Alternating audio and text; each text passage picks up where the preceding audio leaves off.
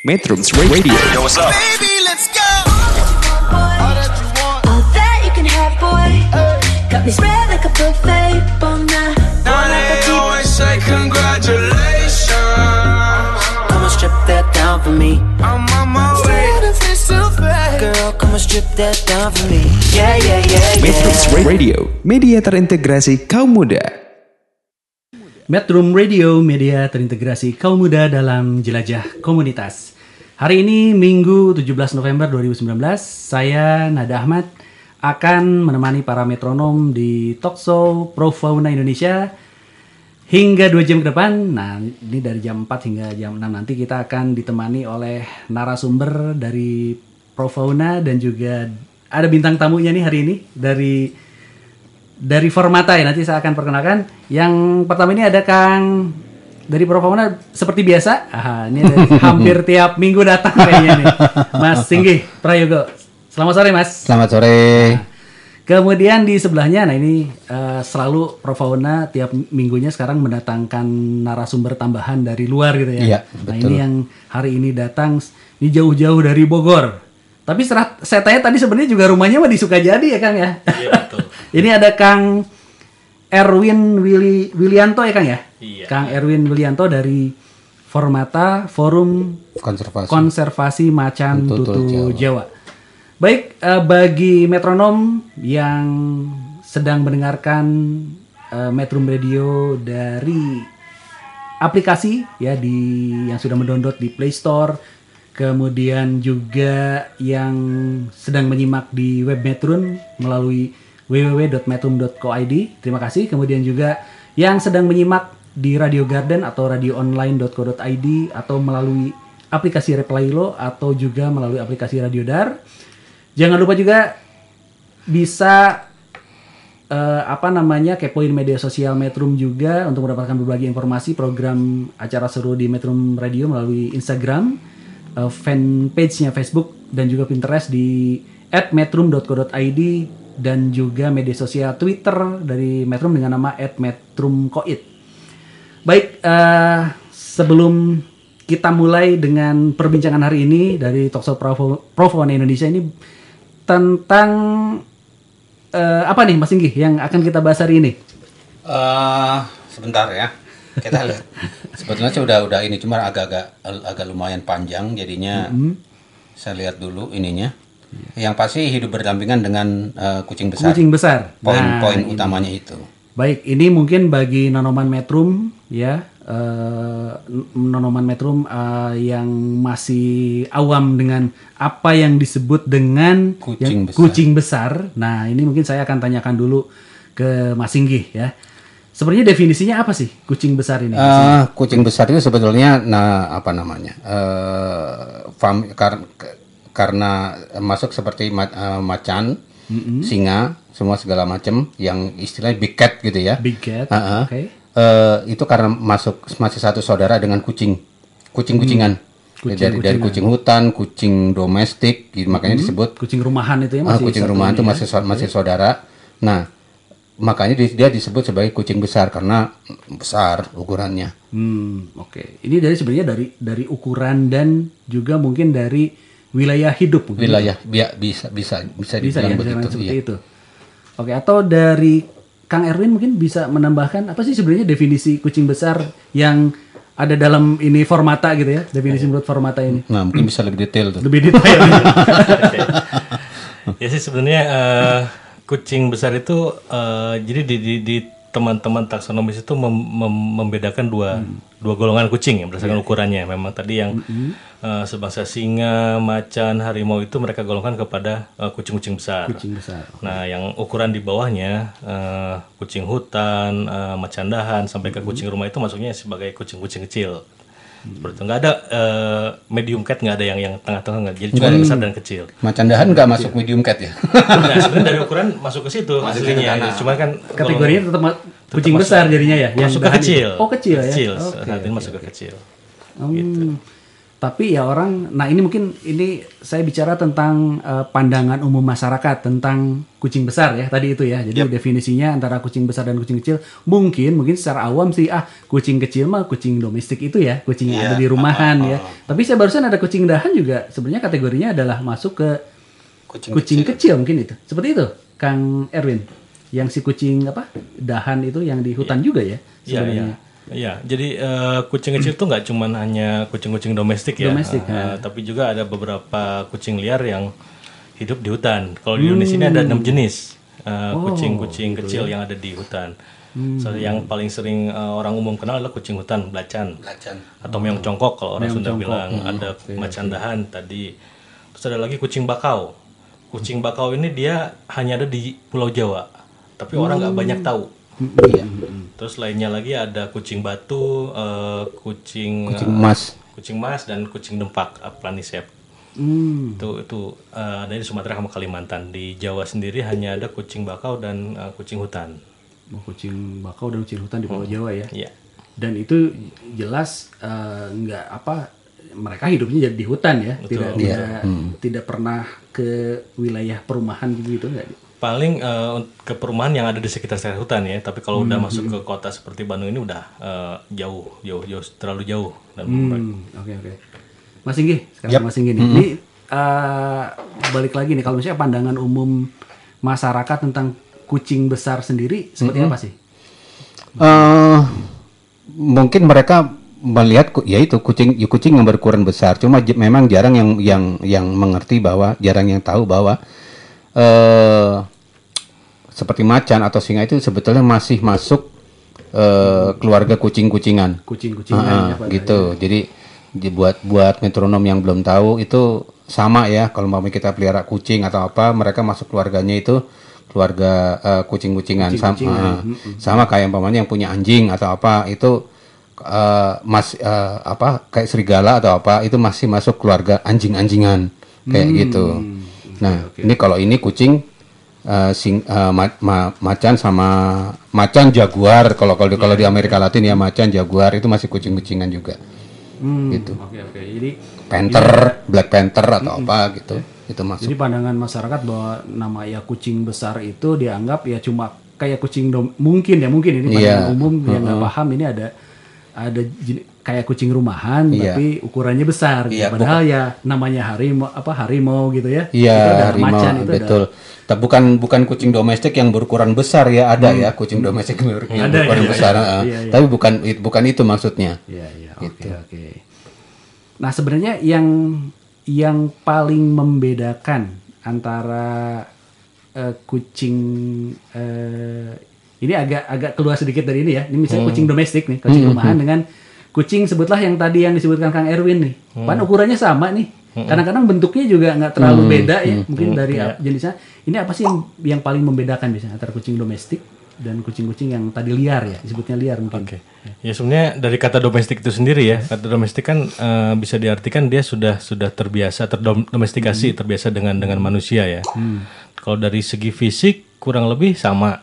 Jadi ukurannya segitu eh, terus perilakunya pun secara eh, naluri dasarnya sama. Sama. Eh, mereka kadang eh, kita bisa ngelihat mereka suka garuk-garuk tanah atau kalau buang kotoran juga ditutupin oleh pasir. Itu itu juga itu juga ada hanya bedanya itu. Mereka eh, kalau kucing liar atau kucing kecil liar itu mereka tidak terbiasa dengan manusia. Mereka cenderung menjauhi.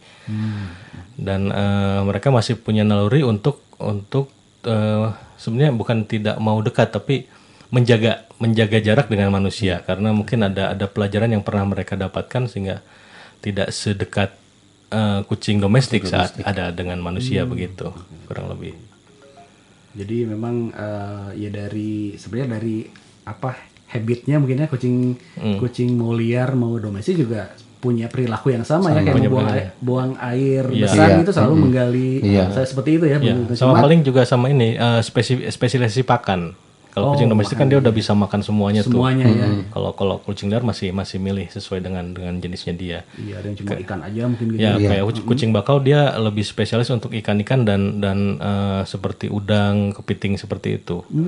Kayak mereka nggak nggak terlalu banyak. Dia bisa makan burung ataupun tikus tapi porsinya hanya hanya hanya sedikit saja. Gitu.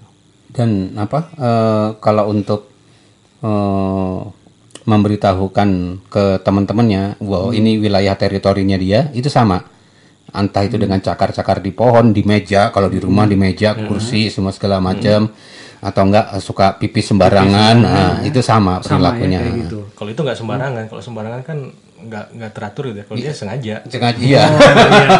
Ini wilayah kekuasaan gue gitu sembarangan kan. gitu. Nah, gitu ya. Iya kan di sini juga gitu ya. Di- Kebetulan di komplek di sini nih Green Hill tuh banyak kucing liar. kucing liar dalam arti ya eh, apa nggak ada yang melihara gitu ya, nggak ada yang melihara Iya. gitu, bukan kucing liar yang tadi itu. Iya. Iya, tapi itu mesti hati-hati loh. Ada ada eh, sekarang udah banyak yang berpendapat bahwa Bengalensis artinya kucing hutan atau bela- atau eh, belacan itu bisa dipelihara. Jadi udah mulai di ada domestikasi walaupun seharusnya bukan. Belum gitu loh. Belum karena dia dia termasuk satwa dilindungi. Ini juga buat buat apa namanya? Para pecinta. buat para pecinta kucing gitu ya metronom harap kalau dengar kucing bengal gitu itu itu bahasa latin itu bengalensis gitu ya hmm. Eh, bengalensis itu masih satwa dilindungi gitu berdasarkan P106 eh, peraturan eh, Kemen Kemen Kemen LHK susah amat sih P106 tahun 2018 itu masuk di situ Nah, dan dan juga perlu diingat eh, Jawa dan Kalimantan itu beda jenisnya dengan yang eh maaf eh, Sumatera dan Kalimantan itu beda jenisnya yang dengan yang di Jawa. Iya. Kadang para animal lover ini eh, main saling-saling tukar-tukar aja.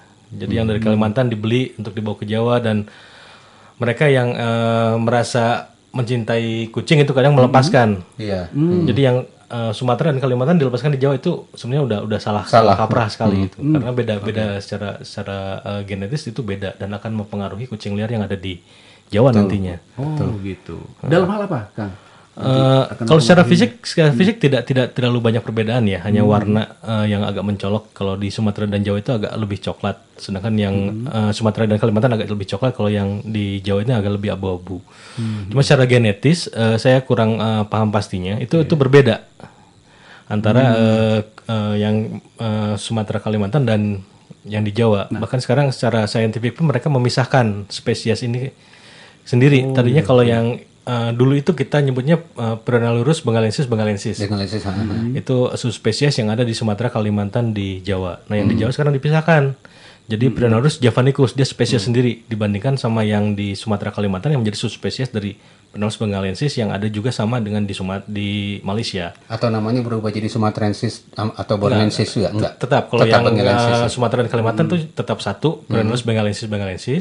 Kalau yang Jawa dia Di- javanicus. Javanicus, oke. Nah, kalau ini bagi metronom apa metronom yang belum paham nih ya dari Hmm. tadi misalnya ada yang dari Kalimantan dan dari Sumatera Hmm. kemudian ditempatkan di Jawa nih nanti bakal bahaya gitu ya nanti Hmm. bakal eh, maksudnya dalam hal apa mereka jadi hidupnya jadi seperti apa kalau misalnya dia ditempatkan di Pulau Jawa gitu Jadi em, analogi gampangnya jadi gini, eh, kalau kita gampangin eh, per per eh, perkawinan eh, beda ras gitu ya.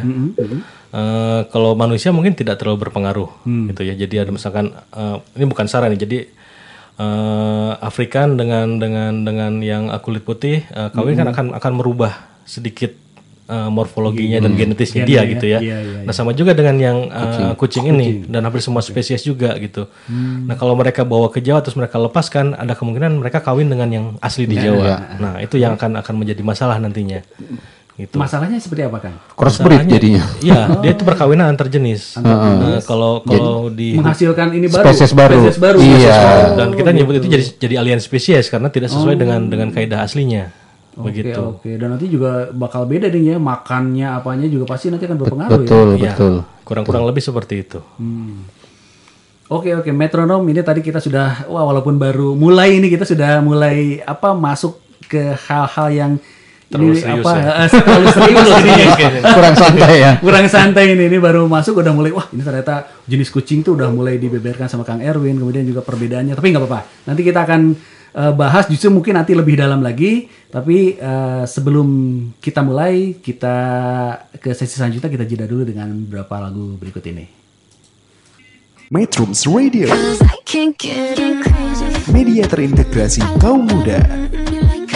can't get enough.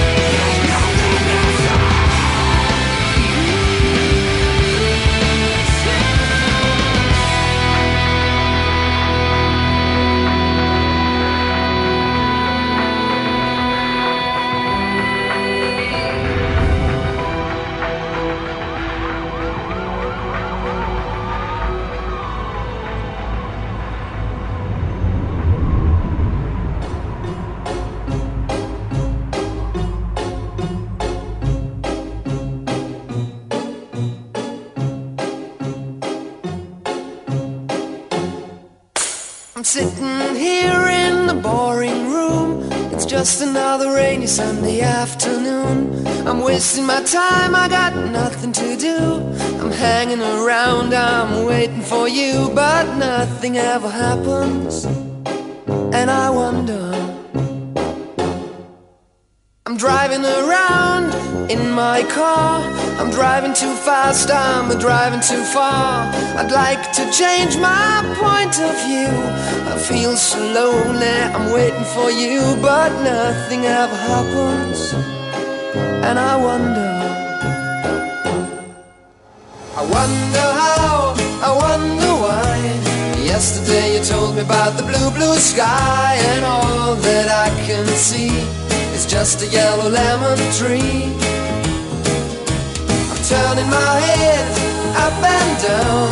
I'm turning, turning, turning, turning, turning around. And all that I can see is just another lemon tree.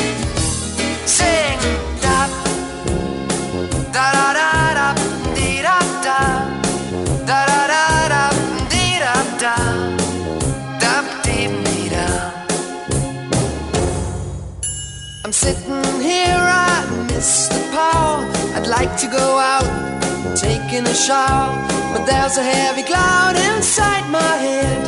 I feel so tired, put myself into bed. Well, nothing ever happens, and I wonder. Isolation is not good for me. Isolation. I don't want to sit on a lemon tree. I'm stepping around in the desert of joy.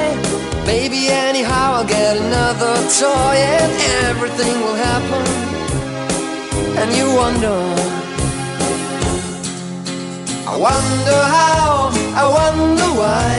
Yesterday you told me about the blue, blue sky, and all that I can see is just another lemon tree.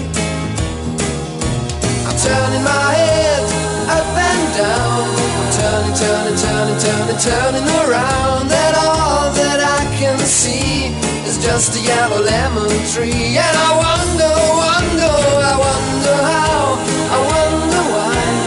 Yesterday you told me about the blue, blue sky. And all that I can see, and all that I can see.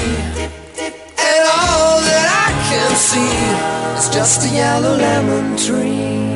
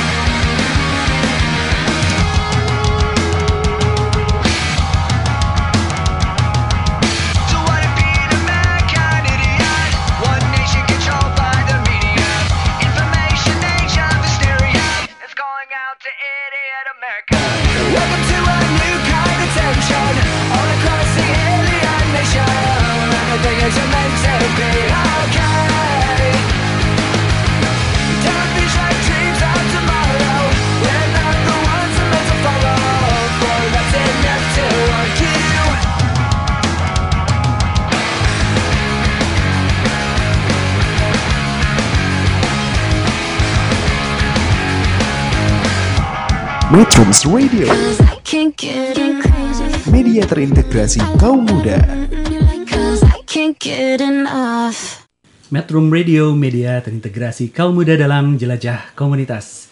Masih bersama Nada Ahmad di bincang-bincang Pro Fauna Indonesia sore hari ini Eh, hingga pukul 6 sore nanti saya akan menemani metronom dan bagi metronom yang tidak sempat mendengarkan live on air hari ini jangan takut nanti ada podcast eh, rekaman audio talk show eh, Metro Radio yang nanti akan disimpan di anchor.fm, di Spotify, di Apple Podcast, di Google Podcast, di My Turner Radio, di Radio Indonesia dan lain sebagainya. Cari saja nanti tik saja Metrum Radio. Nanti akan ada podcast-podcast eh, rekaman di berbagai eh, apa eh, digital itu ya. Tadi ada di Anchor, di Spotify dan lain sebagainya. Kemudian juga sekali lagi saya ucapkan terima kasih kepada Metronom yang sudah mengunduh aplikasi Android eh, Metrum Radio di Play Store ya dengan kata kunci yang sama Metrum Radio nanti ada aplikasinya satu aplikasi menjelajah berbagai platform dan juga terima kasih kepada Metronom yang sudah menyimak di web Metrum di www.metrum.co.id. Baik, eh, kita lanjut lagi eh, di sesi kedua tentang hidup berdampingan dengan kucing besar. Nah, saya tanya dulu sekarang ke Mas Singgi. Ya. Mas Singgi sebenarnya apa sih alasan nggak perlu takut eh, masyarakat untuk hidup berdampingan dengan apa yang dinamakan tadi kucing besar? Karena kan saat ini kalau ada, ini kan sering kali nih kalau terutama di kalau saya dulu pernah pernah waktu liputan masih di Bogor ya tahun 99 sampai 2004 itu kadang-kadang dari eh, apa sih kalau di Bogor itu gunungnya gunung mana kan ya? Salak. Gunung Salak. Nah itu itu udah turun ya macan kumbang gitu ya ke ini nyari mangsa. Akhirnya kan si macan itu di apa ya sampai dibunuh gitu. Iya, ya sampai dibunuh gitu. Nah sebenarnya apa nih? Eh, seharusnya masyarakat itu nggak perlu takut itu alasannya apa nih untuk hidup berdampingan dengan kucing besar ini Eh, se- sebetulnya mereka cenderung menghindar ya, cenderung menghindar dari manusia. Bau manusia tuh dari jauh, begitu dia tahu ada manusia gitu dia akan menghindar. Dia turun karena di atas makanan udah nggak ada, Oke. makanya dia turun ke bawah cari makanan. Ibaratnya kalau kita lapar di rumah nggak ada makanan ke warung, kayak gitu. Ibaratnya gitu, eh, anal ah, ininya apa? eh, kalau kita mau tarik ga- garis persamaannya gitu ya, itu yang menyebabkan eh, apa mereka apa eh, mencari makan ke ke bawah. Jadi sebetulnya makanya eh, dengan naluri naluri alamiahnya mereka yang cenderung menghindar itu mereka akan akan ini kok eh, apa namanya nggak Tidak akan mencelakai ya, Mm, akan menghindar. orang. karena eh, saya buktikan sendiri artinya waktu di Pulau Sempu itu tiga macan kumbang tuh ada lima meter di belakang saya. Gitu. Dan saya diam aja sambil pasrah gitu ya pastinya gitu ya. Mau mati mati deh gitu mau mau gimana lagi gitu kan ada tiga gitu kan. Dan udah mereka cuma numpang lewat aja permisi. Oh gitu ya? Gitu iya. Jadi kalaupun ke hutan, terus kita sebenarnya ini kan kita mangsa sebenarnya kalau misalnya masuk hutan ya, masuk hutan tuh mangsa yang mudah gitu untuk mereka dapatkan. Tapi dengan baunya manusia, mereka sebenarnya nggak ini ya, enggak nggak nggak tertarik gitu untuk Iya. menerkam itu gimana? Jadi Kalau kayak jadi gitu. manusia itu sebenarnya buat mereka bukan bukan pakan ya, bukan ma- bukan makanan gitu ya. Jadi kalaupun eh, bisa kita cari deh di di di apa namanya di internet atau di mana pun. Belum pernah ada kasus di Indonesia. Macan tutul nyerang orang karena mau makan. Hmm. Kalaupun ada kemarin kejadian ibu-ibu diserang karena itu ada Ketakutan ada ya? ada satu hal yang di luar ini ya, di luar eh, skenario luar skenario. Jadi dia memang sudah terpojok, Iya. dia nggak bisa ke mana-mana. Si ibu itu menuju ke arah dia, sehingga dia harus menyerang. Kemudian, jadi intinya begini, intinya eh, macan harimau itu binatang yang harismatik. Mereka eh, tahu siapa manusia itu, gitu loh. Bahkan eh, kalau orang-orang dulu bilang kalau macan atau harimau ketemu manusia, mereka akan mm, sial 40 hari. Gitu. Oh, gitu ya. Itu itu ada adinya ada ada kalau kita mau tarik tarik logikanya gitu ya antara merekanya yang kena eh, hajar oleh manusia sehingga mereka harus eh, sial selama 40 hari atau sebaliknya manusianya kemudian eh, karena kurang siap akhirnya terpaksa menerima serangan dari si si, si bina- binatang ini cuman mereka pada dasarnya tidak tidak pernah berniat untuk menyerang manusia. Seperti tadi cerita-cerita Kang Singgi ya di Sempu gitu ya. Alhamdulillah kalau saya sih belum pernah. Janganlah, eh, cukup lihat dari kamera jebak saja. Tapi eh, dari hasil pemantauan eh, kita kan pasang kamera nih di di hutan gitu ya eh, untuk dan itu kita pasang di jalur-jalur pendakian justru beberapa itu.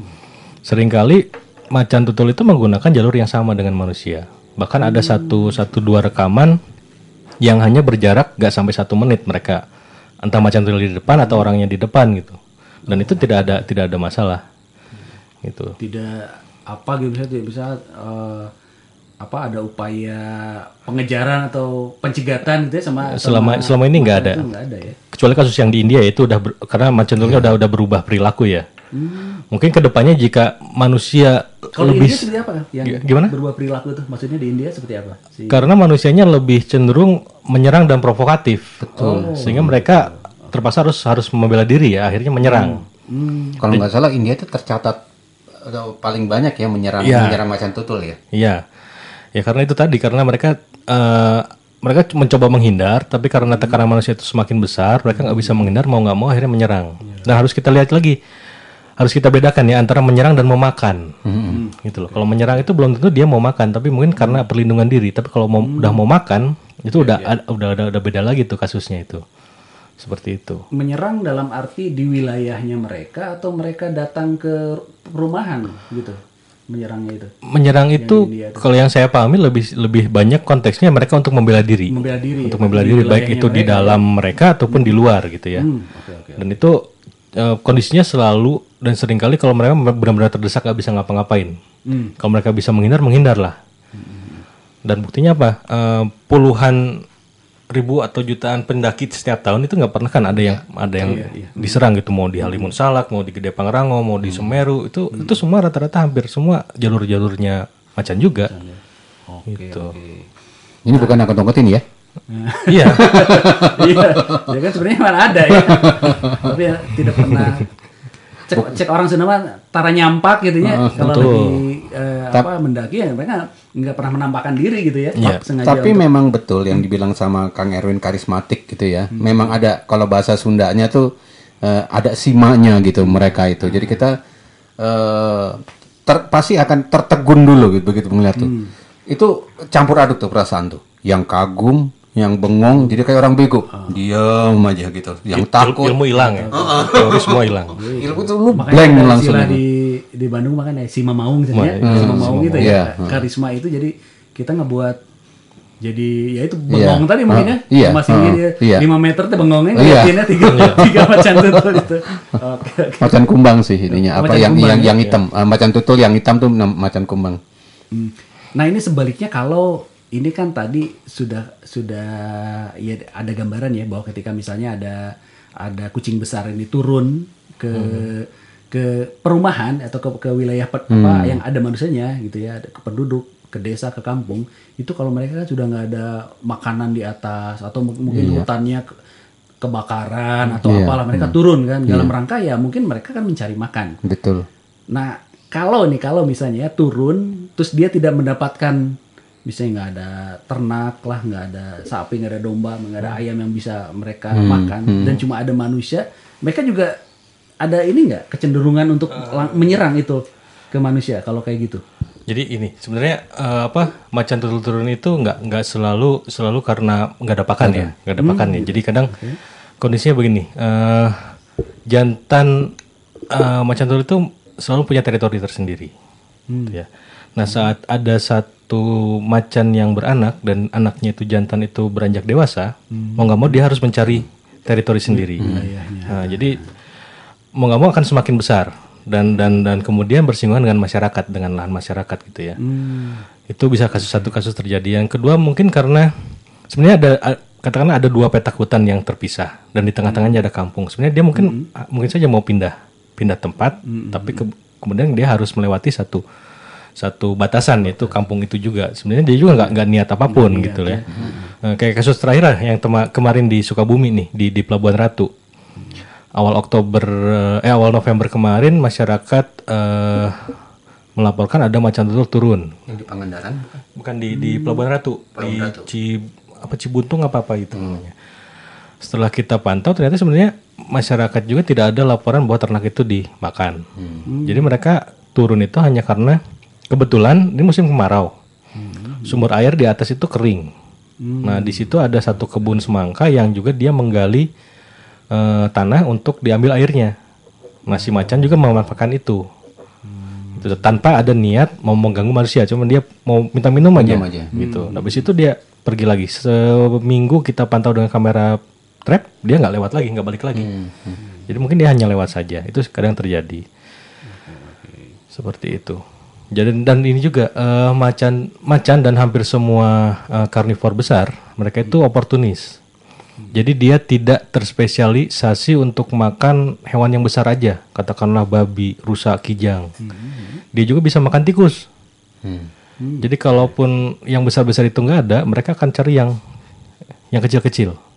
Dan manusia selalu menjadi makanan terakhir bahkan mereka mereka coba hindari karena mereka juga belajar jika mereka berkonflik dengan manusia ujung-ujungnya pasti mereka juga yang akan kena dan itu akan mereka hindari begitu Berburu dan sebagainya ya. Iya. Misalnya tiba-tiba ada yang ah, manusia terbunuh pasti akan kembali Iya nyerang. biasanya gitu akan ya. akan seperti itu akan sa- saling-saling dendam lah seperti itu Oke, eh, metronom kita sudah apa mendengarkan alasan dari Mas Singgi dan Kang Erwin ini tentang alasan kenapa kita nggak perlu takut sebenarnya ya hidup berdampingan dengan eh, apa yang dinamakan apa kucing besar ini gitu. Nah sebenarnya kalau eh, tadi sekali lagi konflik-konflik yang terjadi antara apa kucing besar terutama ya dengan masyarakat itu sebenarnya dari dari kesalahpahaman aja mungkin ya ketidak Iya, pema- betul. tidak pengertian masyarakat mungkin Iya, gitu heeh. Mas Singgi dari sebagian besar yang ada itu.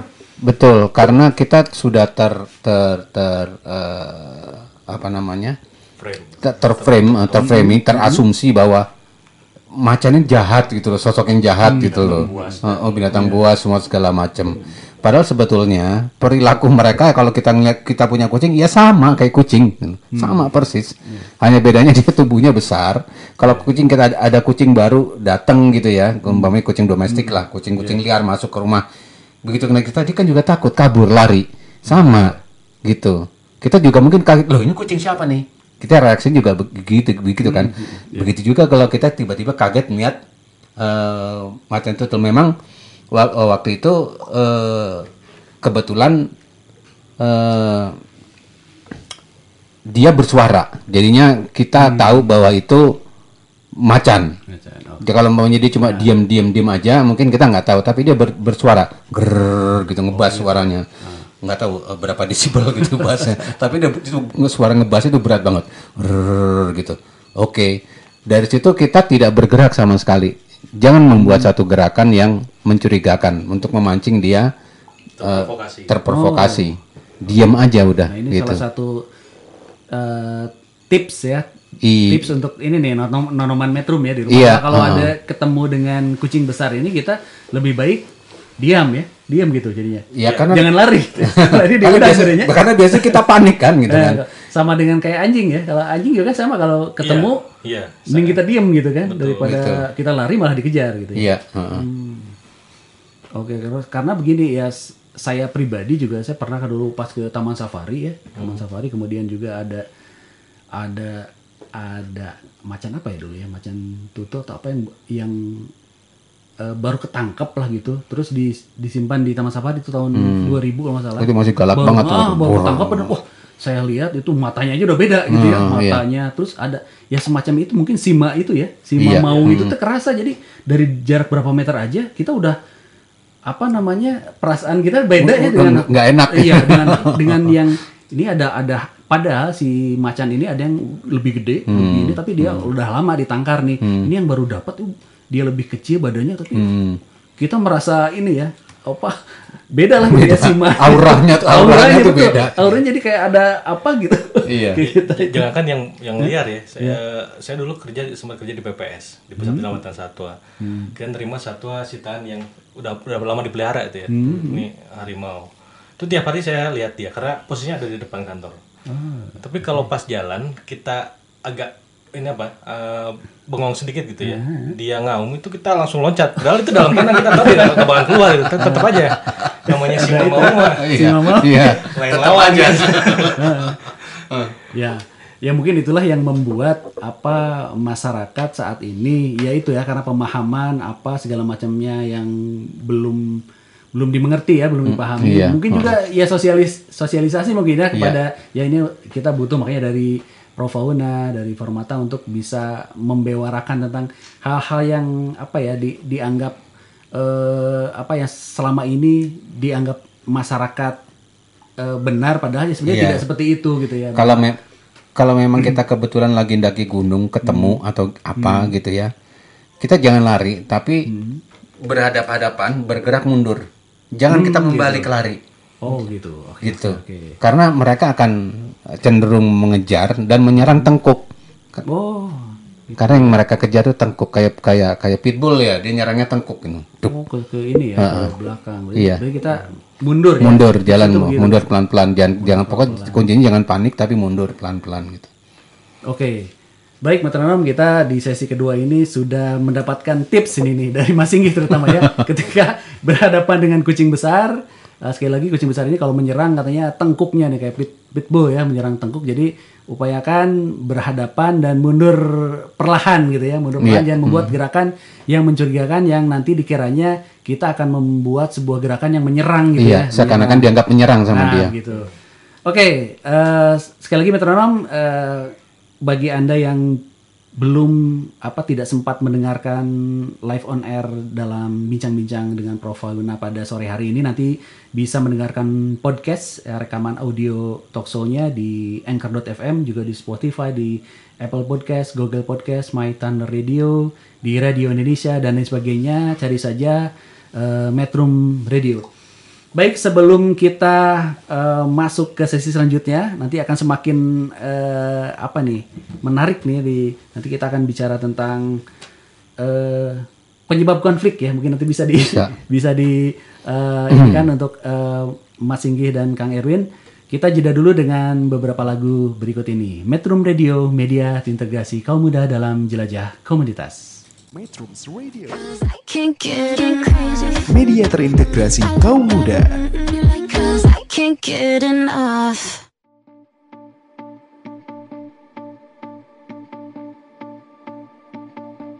Dalamnya lautan akan kuarungi Gunung yang menjulang pastikan ku daki tangannya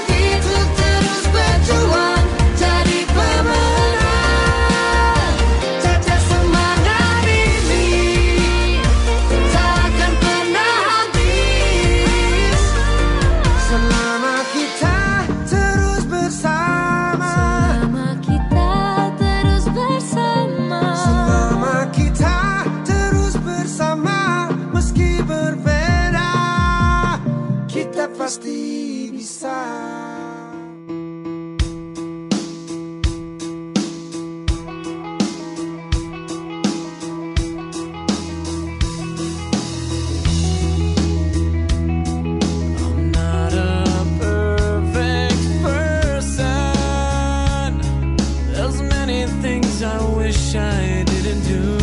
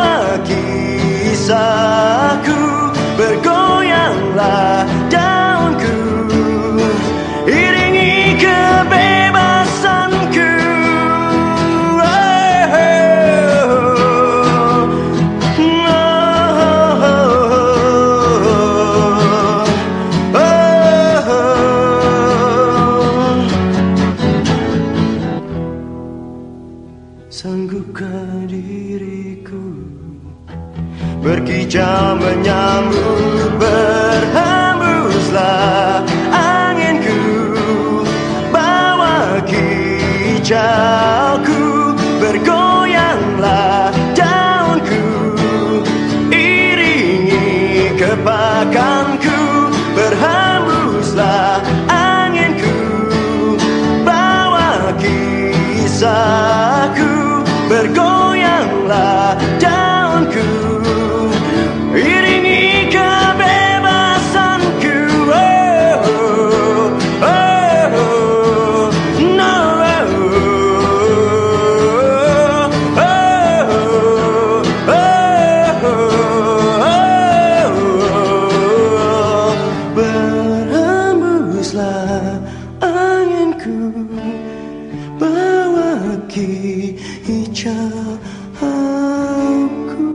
Metrums Radio, media terintegrasi kaum muda. Metrum Radio, media terintegrasi kaum muda dalam jelajah komunitas. Baik metronom kita sudah memasuki sesi yang ketiga hari ini di Talkshow Pro Fauna Indonesia masih hadir di studio Mas Singgih dan Kang Erwin. Eh, hari ini memang agak berbeda. Biasanya hostnya ini Kang Mumu. Kang Mumu lagi lagi harareeng nih kata orang Sunda Maya, lagi flu, jadi tidak bisa menemani metronom. Eh, Moga-moga Kang Mumu bisa cepat sembuh, bisa segera beraktivitas. Halo Kang Mumu di rumah. Moga-moga lagi sudah mulai membaik ya. Ini flu-nya lumayan flu berat katanya. Dan juga saya ucapkan terima kasih kepada atau ini Nonoman Metrum yang ingin berinteraksi. Nah, saya lupa lagi nih. Yang in- ingin berinteraksi eh, bertanya kepada Mas Inggi Kang Erwin bisa melalui nomor kontak WA di 0856 21 21 029. Sekali lagi bagi Nonoman Metrum yang ingin berinteraksi dengan kita di studio atau mau bertanya ke Mas Inggi atau Kang Erwin bisa melalui nomor WA 0856 21 21 029. Baik, eh, Mas Inggi sama Kang Erwin kita lanjut di obrolan tentang hidup berdampingan dengan kucing besar.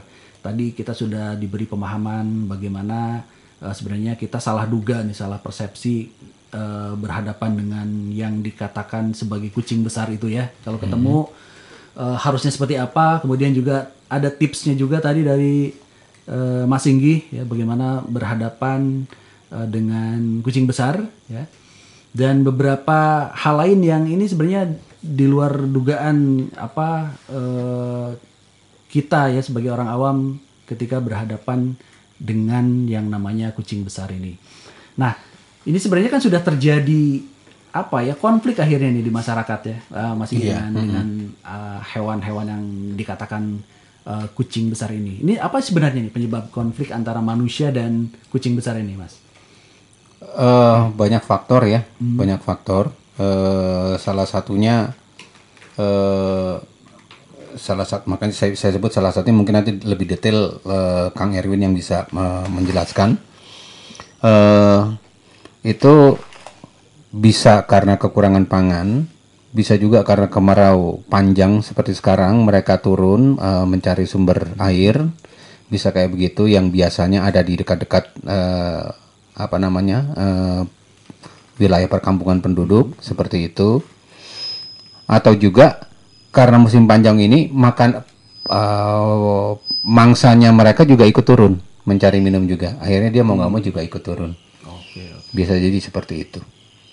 Atau Kang Erwin bisa menambahkan apa sih sebenarnya penyebab konflik antara manusia dan kucing besar saat ini tuh? Kalau untuk kasus macan tutul ya, kalau kasus macan tutul sih menurut saya lebih banyak karena eh, eh, kitanya yang yang yang belum belum memahami. Tadi itu ya yang awal Iya, itu ya iya, belum paham itu, itu tadi. itu sebenarnya eh, paling paling dasar gitu. Kalau kita nggak kenal maka tak sayang gitu katakan. Hmm. Bahasa Pepatah. bahasa- pepatahnya. Oh. Makanya ya. kalau kita nggak tahu sebenarnya macan tutul tuh nggak nggak niat apa pun, cuma karena kita saking GR-nya gitu ya. Hmm. Wah, jangan dia mau menyerang kita mau Eh. berapa nggak juga gitu. Ah. Baper, baper. Iya, eh, di satu sisi memang kita nggak bisa pungkiri kalau kalau ada ada konflik lahan ya. Jadi eh, Jawa ini kan memang sudah cukup padat. Penduduk Jawa ini selalu bertambah dan dan kebutuhan akan lahan jelas eh, itu satu Meningkat satu hal ya. yang yang nggak bisa dipungkiri gitu ya. Di satu sisi juga eh, macan ataupun satwa lain juga dia membutuhkan tempat yang spesifik. Dan yang sebagian besar juga kemudian kita okupasi tuh tempat-tempat itu. Kalau kalau kita lihat nggak jauh lah dari sini gitu kan kita lihat ke utara yang tadinya hutan kan sekarang sudah terbuka semua. Iya, betul. Mau jadi perumahan, jadi ladang, akhirnya kan si binatang-binatangnya termasuk macan tutul ke kehilangan habitat Iya. sehingga mereka turun. Kalau penyebabnya nanti sebenarnya spesifik tergantung lokasinya seperti apa. Tadi bisa aja karena karena kemarau, bisa aja karena pakan eh, apa namanya pakannya berkurang. Tapi intinya dua kalau menurut saya bahwa kita kurang memahami eh, keberadaan satwa dan keberadaan kita sendiri di alam ini. Jadi bagaimana caranya kita bisa berbagi ruang? Iya. Yang kedua karena memang di Jawa ini kasusnya eh, lahan itu sudah semakin sempit, gitu loh. Sempit, Oke. Seperti itu kurang lebih. Iya, ini ya contohnya mungkin jangankan di ini ya, di, mungkin di sini sajalah daerah Jati Handap nih.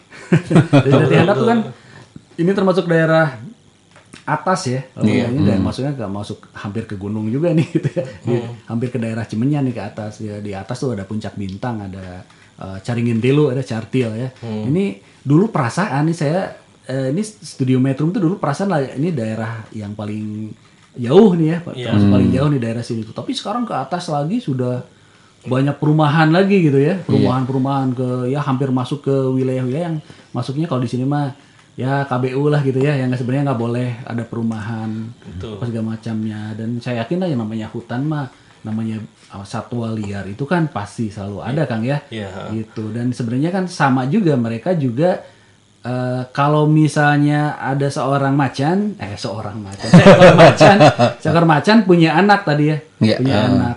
Nah si macan ini kan eh, membatasi wilayah kekuasaannya gitu ya, Kang Ya, ya. betul, Jadi yang jantan mereka yang jantan ini membatasi wilayah kekuasaannya, kemudian juga nanti punya anak dan anaknya setelah dewasa juga kan kurang lebih akan seperti itu ya. Jadi Iya. membuat wilayah Sendiri. Sendiri. sendiri juga. Jadi otomatis sebenarnya wilayah mereka pun akan seharusnya sih bertambah mungkin kan ya. Betul. Bertambah. Tapi sekarang nggak.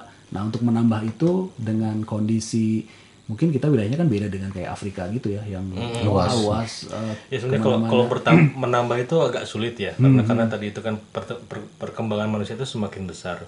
Minimal mempertahankan lah, mempertahankan lah. Jadi- yang ada yang ada gitu ya. Dan kemudian kan sebenarnya Jawa Barat ini kan menganggap Macan Tutul sebagai ik- icon, icon provinsi ini. Udah ada SK gubernurnya tahun 2005.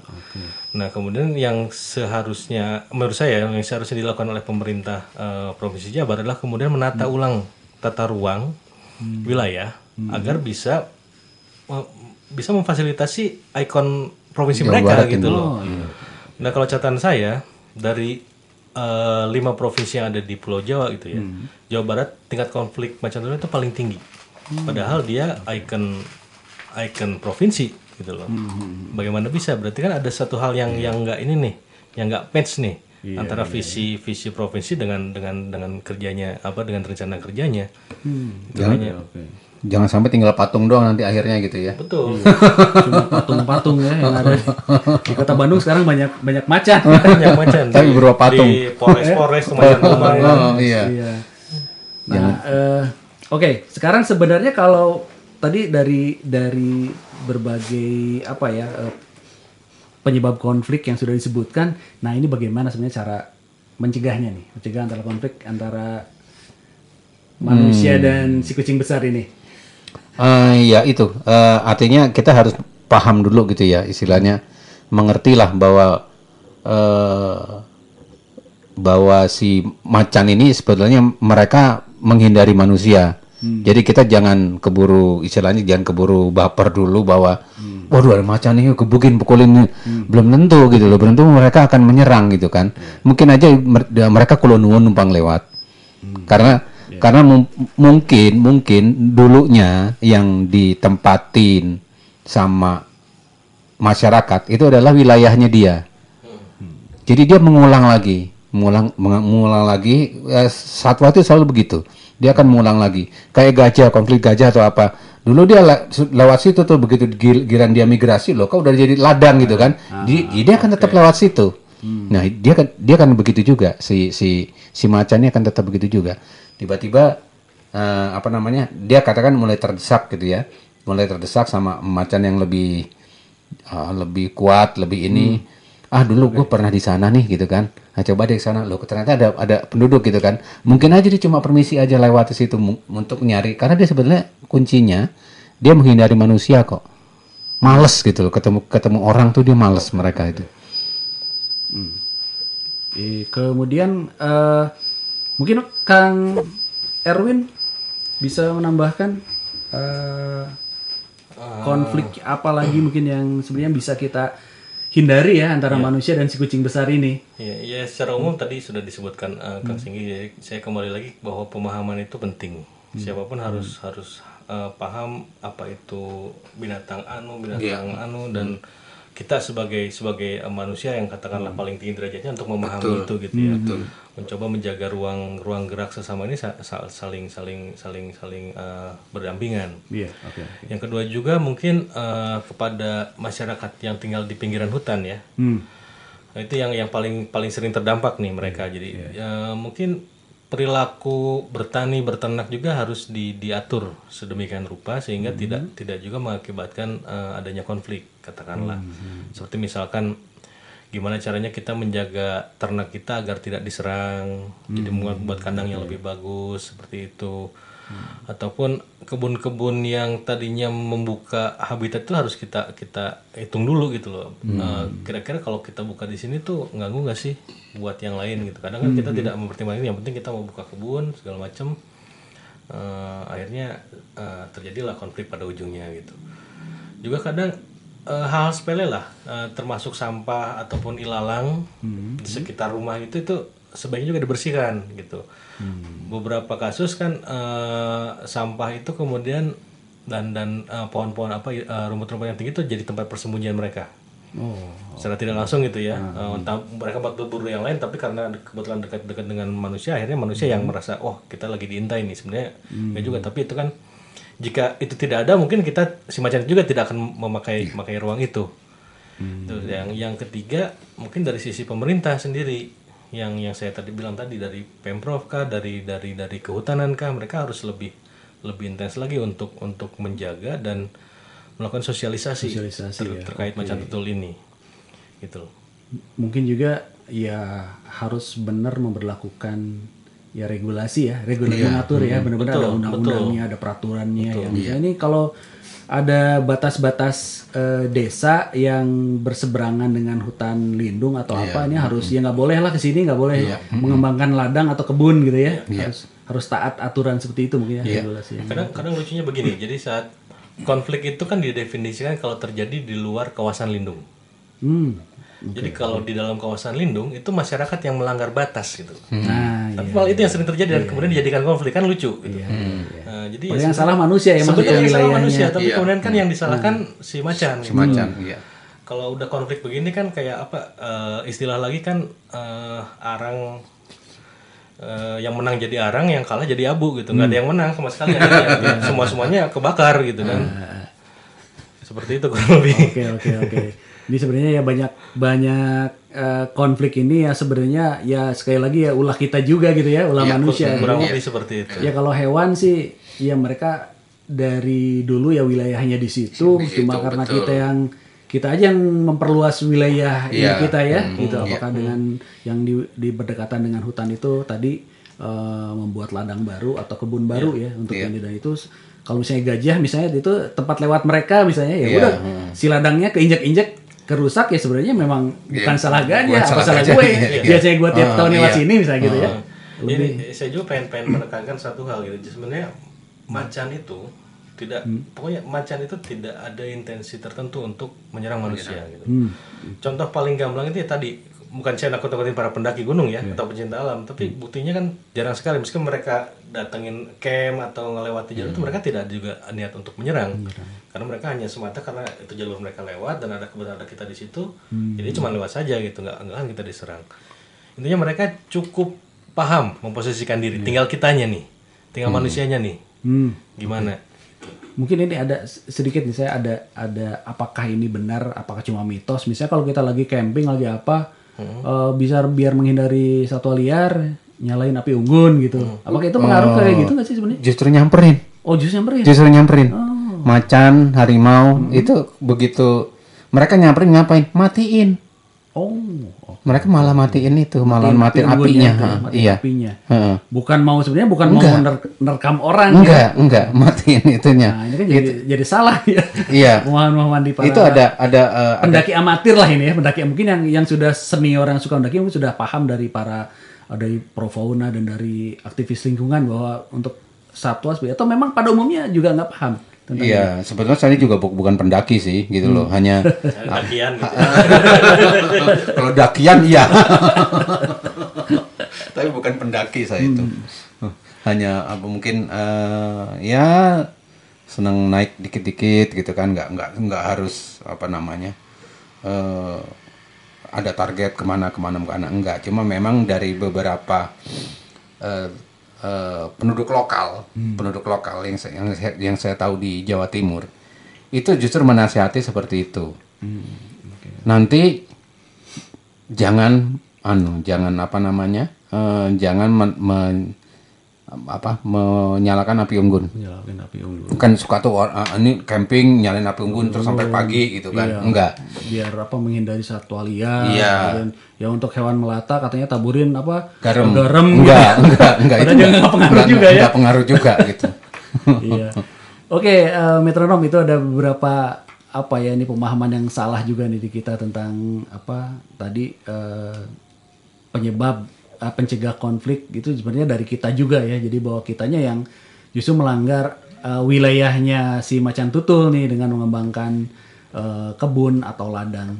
Das ini ada pertanyaan yang masuk eh, Mas Inggi dan eh, Kang Erwin Iya. dari Dewi di Sukajadi bertanya ini tat- ini rada tapi rada ini ya ini tentang perdagangan. Perdagangan. Nah, oke Apakah ada perdagangan macan tutul Jawa? Mungkin Kang Erwin ya yang lebih ini. Apakah ada perdagangan macan tutul Jawa? Terus biasanya macan tutul Jawa dijual sebagai peliharaan atau apa gitu?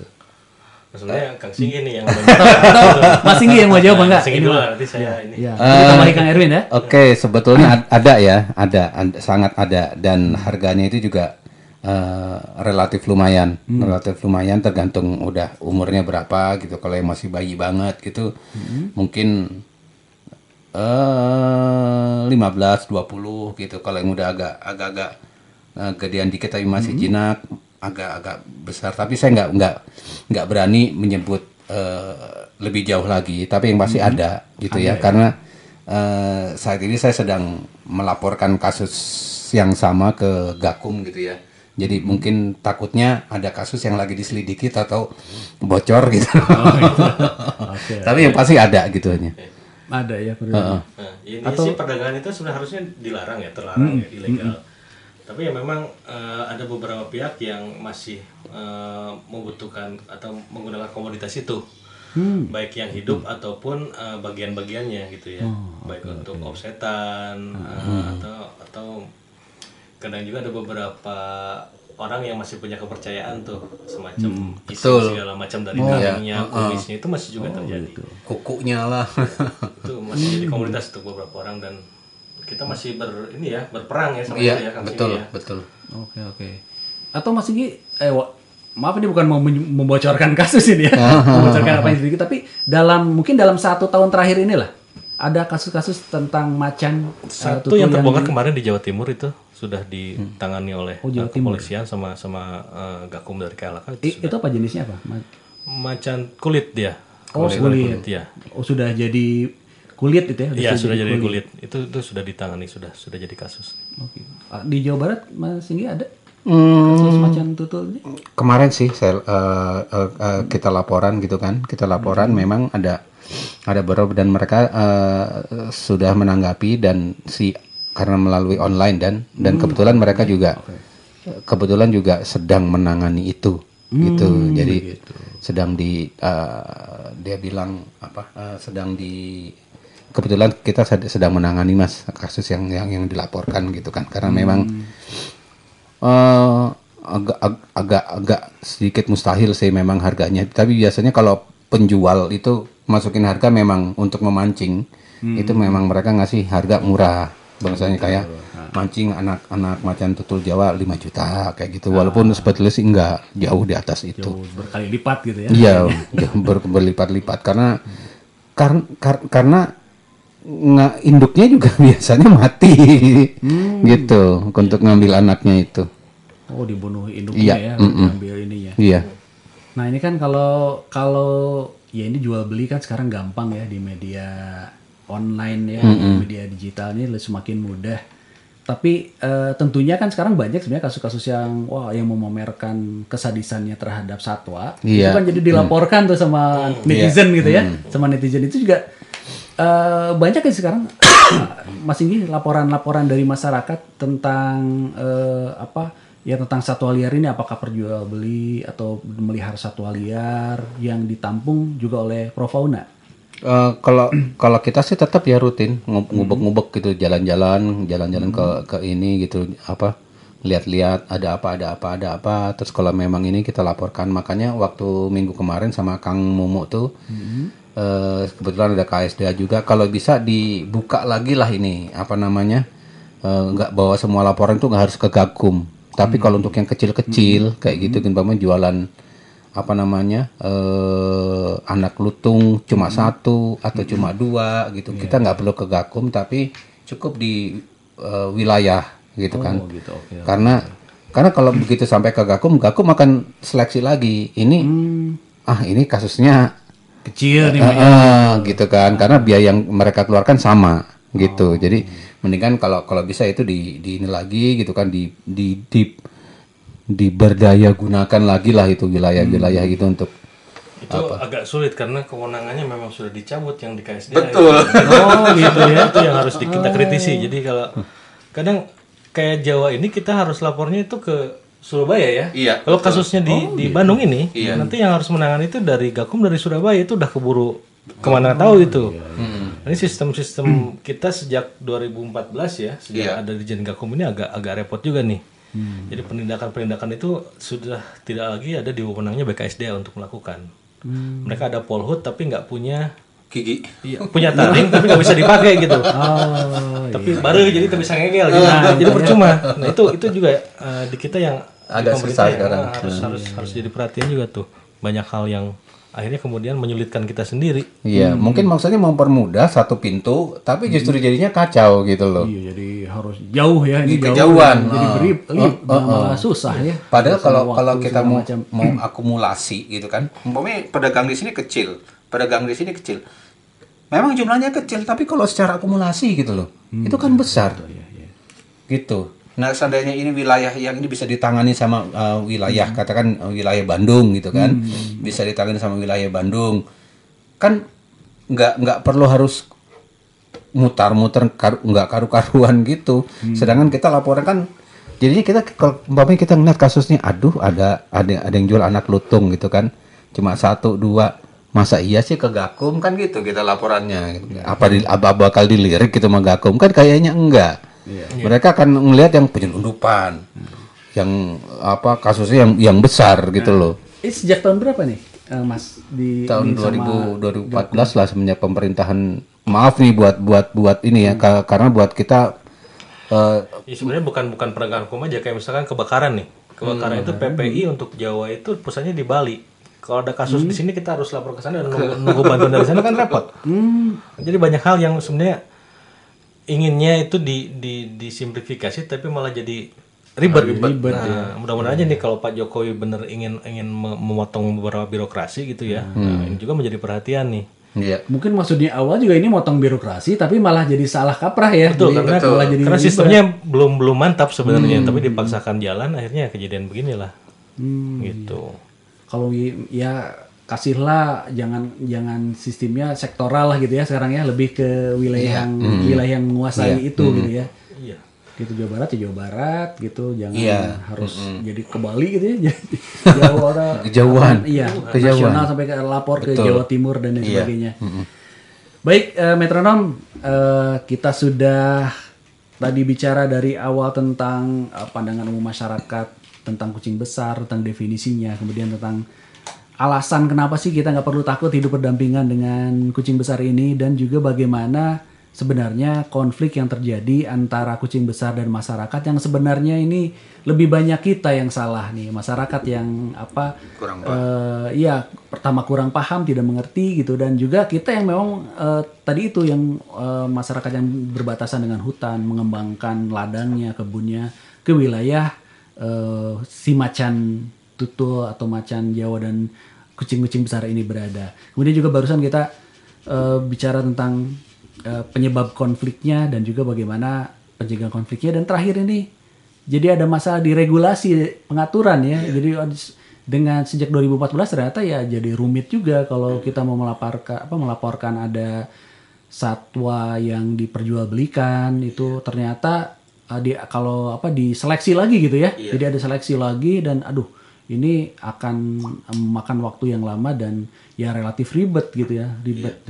Mungkin mau memangkas birokrasi dengan melaporkan ke satu tempat tapi malah jadi blunder ini ya jadi malah menunggu lama gitu ya menunggu lama eh, dan semakin tidak efektif untuk eh, mengatasi eh, permasalahan ini baik eh, nanti kita lanjut di sesi berikutnya tentang eh, tema kita hari ini hidup berdampingan dengan kucing besar kita jeda dulu dengan lagu-lagu berikut ini Metrums Radio, media terintegrasi kaum muda. Cause I can't get enough.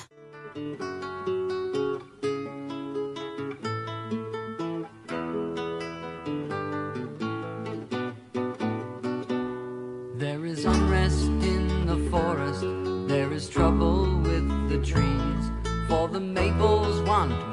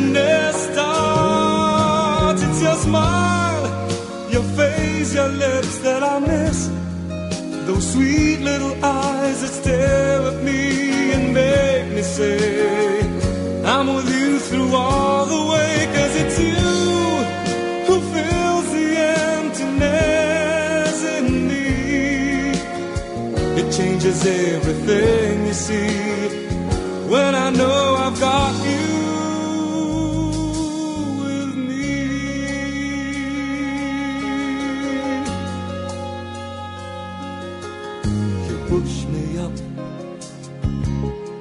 when I'm about to give up. You're on my side when no one seems to listen. And if you go, you know the tears can't help but show. You break this heart and tear it apart. Then suddenly the madness starts. It's just smile. Your face, your lips that I miss. Those sweet little eyes that stare at me and make me say, I'm with you through all the way, cause it's you who fills the emptiness in me. It changes everything you see when I know I've got you.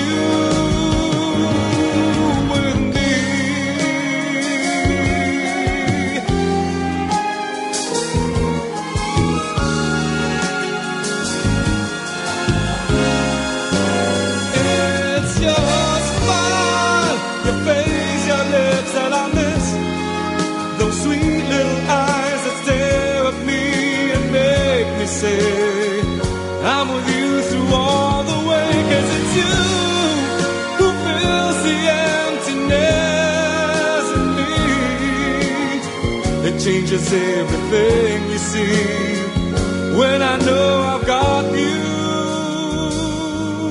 with me.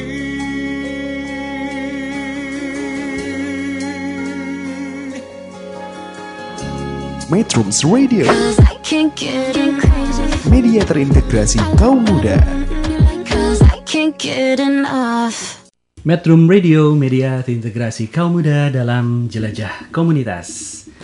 Tidak terasa metronom kita sekarang sudah memasuki sesi yang terakhir dari bincang-bincang Pro Fauna Indonesia yang hari ini menghadirkan narasumber seperti biasa ada Mas Singgih dan dari Formata ada Kang Erwin Wilianto yang jauh-jauh datang dari Bogor dan hari ini harus balik lagi ke Bogor ya Kang ya? Iya, rencananya begitu. Waduh, padahal Kang Erwin ini sebenarnya asli orang Bandung juga sih. orang suka jadi katanya nih. Eh, baik, eh, kita tadi sudah bicara macam-macam, eh, sudah ngobrol ke sana kemari dan juga ada pemahaman-pemahaman baru untuk metronom tentang eh, apa sih yang dinamakan kucing besar dan apa yang menyebabkan apa konflik juga ya di antara eh, manusia dan kucing besar ini. Nah, mungkin di sesi terakhir ini saya mau menanyakan nih ke dua narasumber di studio. Sebenarnya bagaimana sih mengatasi konflik dan mengantisipasi konflik lanjutan dari apa yang sudah terjadi saat ini antara manusia dan kucing besar ini? Mungkin dari Mas Singgih dulu lah yang pertama ya. Hmm, kalau saya mungkin lebih cenderung itu ya eh, memahami lah, belajar memahami karakter dari dari eh, si macan ini. Dan mungkin nggak nggak cuma macan aja tapi semua semua satwa liar yang yang yang ada gitu. Kita kita bawa bahwa sebetulnya kita yang yang sering kali kita yang masuk ke wilayah mereka. Gitu bahwa tanpa tanpa kita tahu bahwa sebelumnya mereka sudah ada di situ di situ duluan. Gitu jadi yang yang itu yang mungkin pertama yang harus kita eh, belajar untuk untuk apa namanya eh, mengetahui eh, apa namanya hmm, untuk mengetahui karakter dari dari macan dari macan atau satwa liar yang yang yang masuk wilayah ke kampung. Bang se- seperti itu.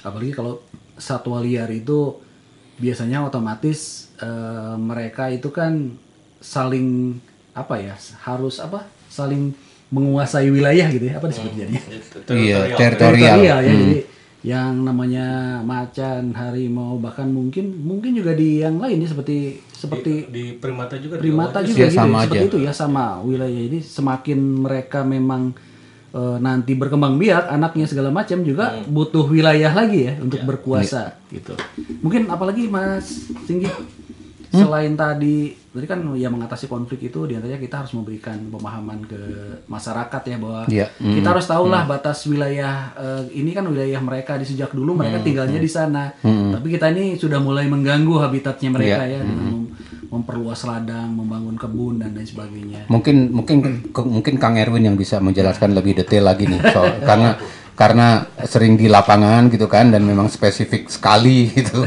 mengatasi urusan urusan macan permacanan itu. Enggak juga Suri. Ya, Jadi eh ya sih kami di, di, Formata ya sebenarnya kan kami dulu pernah eh, menggawangi satu strategi konservasi nasional ya untuk macan tutul. Jadi upaya konflik ini sebenarnya salah satu bagian eh, dari dari eh, konservasi secara utuh gitu ya. Konflik bisa dikatakan itu dampak dari apa yang sebenarnya kita rencanakan tapi belum berjalan nih Kang. Eh, masalahnya dari semua pihak, dari banyak pihak. Gak cuma masyarakat saja yang yang tadi eh, mohon maaf, bukan berarti masyarakat itu tidak tahu, tapi karena kita juga yang kurang memberitahu. Hmm. Teman-teman yang memang lebih Iya, mengerti iya, iya, juga iya. kurang-kurang kurang banyak berinteraksi dengan masyarakat sehingga masyarakat kemudian salah kaprah gitu ya. Tapi secara secara umum eh, ada beberapa hal yang harus kita perhatikan ke depannya. Dari sisi data sendiri pertama, eh, kami mes- di Jawa ini meskipun banyak pegiat, tapi kita belum solid secara secara data ya. Jadi kita belum juga bisa memetakan nih macan tutul ada di mana aja. Hmm, oke oke. Seringkali kita baru tahu ada macan tutul di situ kalau pas ada konflik.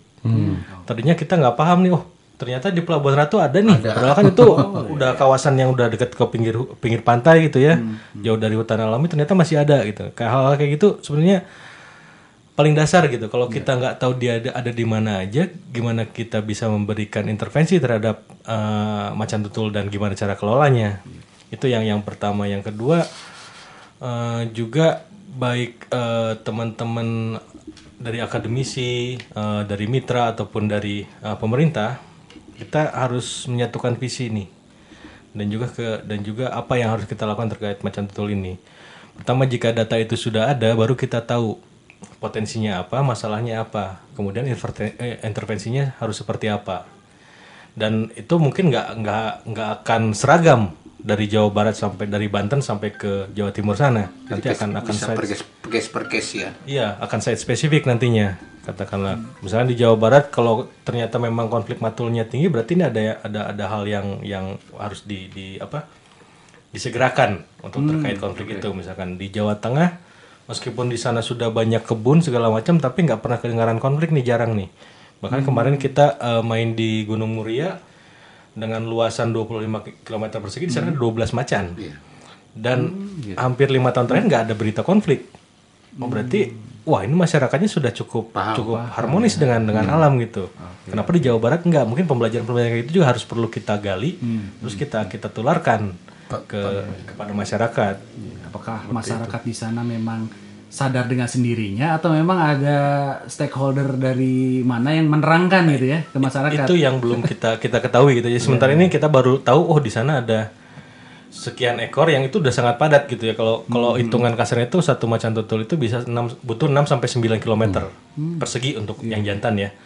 Tapi kalau 25 km ada 12 berarti kan itu kalau di rata-rata ada cuma mereka cuma butuh 2, km gitu dan mereka bisa hidup dengan masyarakat. Yang kebetulan hutannya itu juga 70% itu kebun kopi. Yang aktivitas manusianya tinggi gitu. Tapi ternyata mereka masih bisa berbagi dengan dengan dengan dengan harmonis gitu kan. Nah, mungkin itu pembelajaran yang yang, yang perlu kita kita gali tuh. Oke. Seperti itu. Entah juga mungkin Pemdanya juga sangat kooperatif. Saya ka- saya belum tahu belum belum tahu sampai sana, tapi itu perlu perlu perlu kita lihat. Mungkin dari sisi pemerintah, baik Mas Singgi maupun Kang Erwin bisa masukkan tentang apa nih untuk pemerintah? Pertanyaan langsung dalam aturan regulasi yang ini. pemerintah harusnya lebih lebih lebih lebih rajin lagi ya eh, bersosi- eh, mensosialisasikan ke apa namanya entah itu regulasi entah itu apa namanya eh kara apa eh, si macan ini seperti apa bangsa kayak begitu gitu jadi tidak tidak ya ini mohon maaf kayaknya lebih banyak LSM deh yang masuk daripada daripada eh, petugas eh, yang berwenang gitu loh. Jadi eh, ya mudah-mudahan lah gitu loh. Jangan jangan jangan apa namanya? ja- jangan malu-malu lah gitu loh untuk terjun langsung ke masyarakat mensosialisasi mensosialisasikan bahwa bahwa apa eh, bahwa karakter mereka itu nggak nggak sebetulnya tidak tidak tidak tidak ganas-ganas amat gitu loh. Jadi masih masih bisa tergantung dari manusianya gitu. Kita kalau manusianya menganggap bahwa itu ganas ya berarti kita, kita salah juga gitu loh. Karena mereka cenderung menghindar. Begitu. Terakhir mungkin Kang Erwin untuk pemerintah masukannya seperti apa? Oh, untuk pemerintah wah ini agak ini. Eh, tapi nggak apa-apa. kita kita memang ini sebagian besar untuk nanaman metrum tapi nggak ada salahnya. Oh, betul, betul. Ini kan Oke, oke, siapa tahu gini. ada stakeholder pemerintah yang lagi dengerin nih. eh satu aja deh. Kalau untuk UPT KLHK ya, baik itu BKSD ataupun Taman Nasional gitu ya. eh saya ambil satu satu cara baru yang dicoba di, di- diterapkan oleh Pak Dirjen sekarang, menjadikan masyarakat sebagai subjek. Hmm, Oke. Jadi eh jangan eh, sebaik se, sebagaimana sebisa mungkin eh, pemerintah itu bukannya eh, orang yang hanya datang dan menyuruh dan mengatur sesuatu, tapi mereka bisa mengajak masyarakat untuk menjadi garda terdepan. Karena kalau mereka selalu sering kali ya, sering kali beralasan, wah petugas kita tidak cukup, Kurang, ya, wah betul. anggaran kita tidak Iya. cukup. Terus kalau hanya hanya hanya hanya bersembunyi di balik alasan-alasan itu nggak akan selesai ini masalah gitu loh. Salah satu caranya adalah mengajak masyarakat untuk menjadi garda terdepan mereka. Itu. Jadikanlah masyarakat sebagai subjek, sebagai sebagai pelaku konservasi. Apa pun itu caranya. Itu aja satu sementara ini. Jangan hanya mengandalkan terus eh, upaya pemerintah dan juga LSM gitu ya. Betul. Jadi Kalau memang yang harus ya terlibat maaf ini. ya kalau memang tidak mampu ya katakan tidak mampu. Kita eh, mitra LSM masyarakat akan siap membantu jika memang itu harus dilakukan seperti itu. Oke oke. Ada terakhir lagi yang mau disampaikan Hmm. dari Mas Inggi? Saya pikir cukup ya. Cukup. Heeh. Sudah Banyak sebenarnya ya? sih, cuman bisa sampai jam 12 malam ini. Oke oke oke. Baik metronom eh, kita sudah memang ini waktunya juga sudah mepet di penghujung acara, tapi kita sudah banyak mendapatkan ilmu ini ya dari Mas Singgi dan juga Kang Erwin tentang bagaimana hidup berdampingan dengan eh, kucing besar. Kita dari awal tadi sudah mendengar dari mulai apa sih definisinya itu eh, kucing besar, kemudian juga jenis-jenisnya tadi cerita, kemudian juga habitatnya seperti apa, kemudian kenapa alasan kita nggak perlu takut hidup berdampingan dengan kucing besar ini dan apa sebenarnya yang menyebabkan apa konflik antara kucing besar dan masyarakat. Dan barusan juga kita sudah bahas bagaimana mengatasi konflik dan antisipasi lanjutan ya eh, terhadap eh, yang selalu terjadi antara manusia ya dengan eh, kucing besar. Di antaranya adalah tadi menurut Kang Erwin bagaimana kita harus sebenarnya yang paling pertama adalah mengajak masyarakat ya untuk lebih sadar lebih paham. Itu juga sama yang diungkapkan tadi sama Mas Singgih bahwa sebenarnya yang paling utama itu adalah kesadaran dulu masyarakat ya pemahamannya dulu gitu. Jadi pemerintah mungkin jangan sampai sia-sia eh, berbagai LSM yang bergerak juga jadi sia-sia kalau masyarakatnya justru eh, apa namanya nggak peduli gitu ya. Nah ini harusnya pemahaman dulu di dalam masyarakat. Kemudian juga yang jadi masalah juga tadi Kang Erwin menyikapi kurangnya eh, apa ya data ya database ya yang belum ter terkumpul dengan baik antara berbagai eh, pegiat-pegiat eh, di satwa liar ini ya. Misalnya di jenis apa, macan tutul tuh sampai ada yang baru ketahuan ketika ada kasus gitu ya kan ya. Gitu. Jadi database juga ini jadi jadi apa eh, PR mungkin ya jadi PR untuk untuk baik pemerintah LSM dan mungkin nanti kalau masyarakat sudah terlibat secara langsung sih mungkin bisa memberikan data-data gitu kan kurang lebih Iya. seperti itu. Kemudian juga tentunya adalah visi misi dari pemerintah gitu ya. Kemudian juga dari uh, akademisi kemudian ya stakeholder yang terlibat lah dalam urusan si uh, macan eh urusan kucing besar ini baik untuk terakhir saya ini kalau misalnya formata itu hanya menangani ini Kang apa eh, macan tutul aja atau macan lain juga enggak atau Trio spesial- macan. Trio Trio Ya. Tadi saya nggak saya nggak macan kumbang kok nggak dibahas gitu ya. Jadi memang macan tutul dan ini spesifik Oke. Jawa lagi kan. Nah ini satu nih, kadang orang juga sering salah nih. Salah, ya. Macan tutul dan macan kumbang itu satu jenis. Oh satu jenis. Cuman ya. yang satu rasnya hitam kayak saya gitu ya, yang satu ada tutulnya. Jadi sebenarnya kalau macan kumbang itu kalau kita lihat sama dia ada tutulnya. Total juga. Oh Cuman gitu. kebetulan eh, rambut yang warna hitam tuh lebih dominan keluar, jadi nggak kelihatan. Ya, Jadi bukan sebenarnya- spesies yang berbeda ya. bukan, Bukan. bukan, bukan. Itu satu yang sama. Nama latinnya sama itu, Panthera Nah, pardus melas. Sudah ini Ya. ya kepenasaran saya sudah terjawab nih karena ini. Formatnya cuma macan tutul, kita macan kumbang dari bahas. Iya. Betul, betul. Kan Untuk kena-kena hidung kita orang tadi bahas gitu. Ya, karena memang memang sering salah kaprah, eh, apalagi kalau di, di di luar gitu kan eh, sering menyebutnya sebagai panther katakan. Oh iya, Atau panther, panther, iya, ya. Panther itu kan macan hitam gitu ya. Kita dulu bahkan saya sendiri gitu ya waktu saya kuliah juga menyebut itu sebagai dua spesies yang berbeda. Ternyata saya salah. Oke oke. saya jadi baru ngerti nih sekarang ya. Iya. Eh, Macan kumbang maksudnya macan tutul juga Macan ya. tutul juga Oke. hanya hitam dia. Iya baik Nanawan Metrum ini baru nih dan saya juga baru tahu nih ya jadi beda ya antara panther dan macan kumbang ternyata macan kumbang masuknya kategorinya adalah macam tutul ya, cuma yang dominan warna hitamnya itu itu, karena ya. kelainan gen. Oh gitu ya. Gitu karena kelainan gen jadi warnanya dia hitam, melanistik istilahnya. Oke, oke.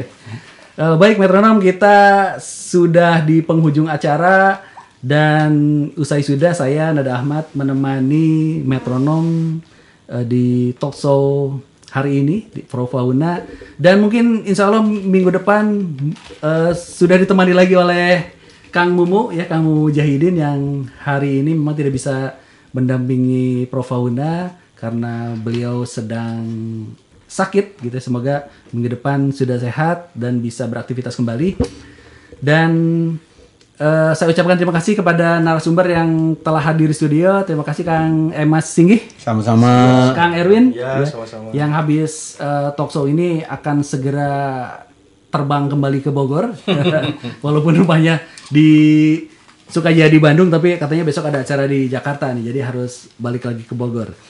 Baik, eh, metronom sampai jumpa di talk show Pro Fauna selanjutnya tentunya dengan tema-tema yang pasti menarik.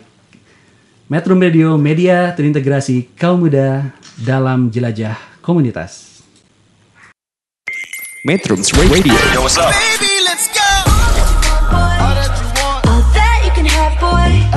Got me spread like a buffet, bon night. Now they always say congratulations. Come and strip that down for me. I'm on my way. Girl, come and strip that down for me.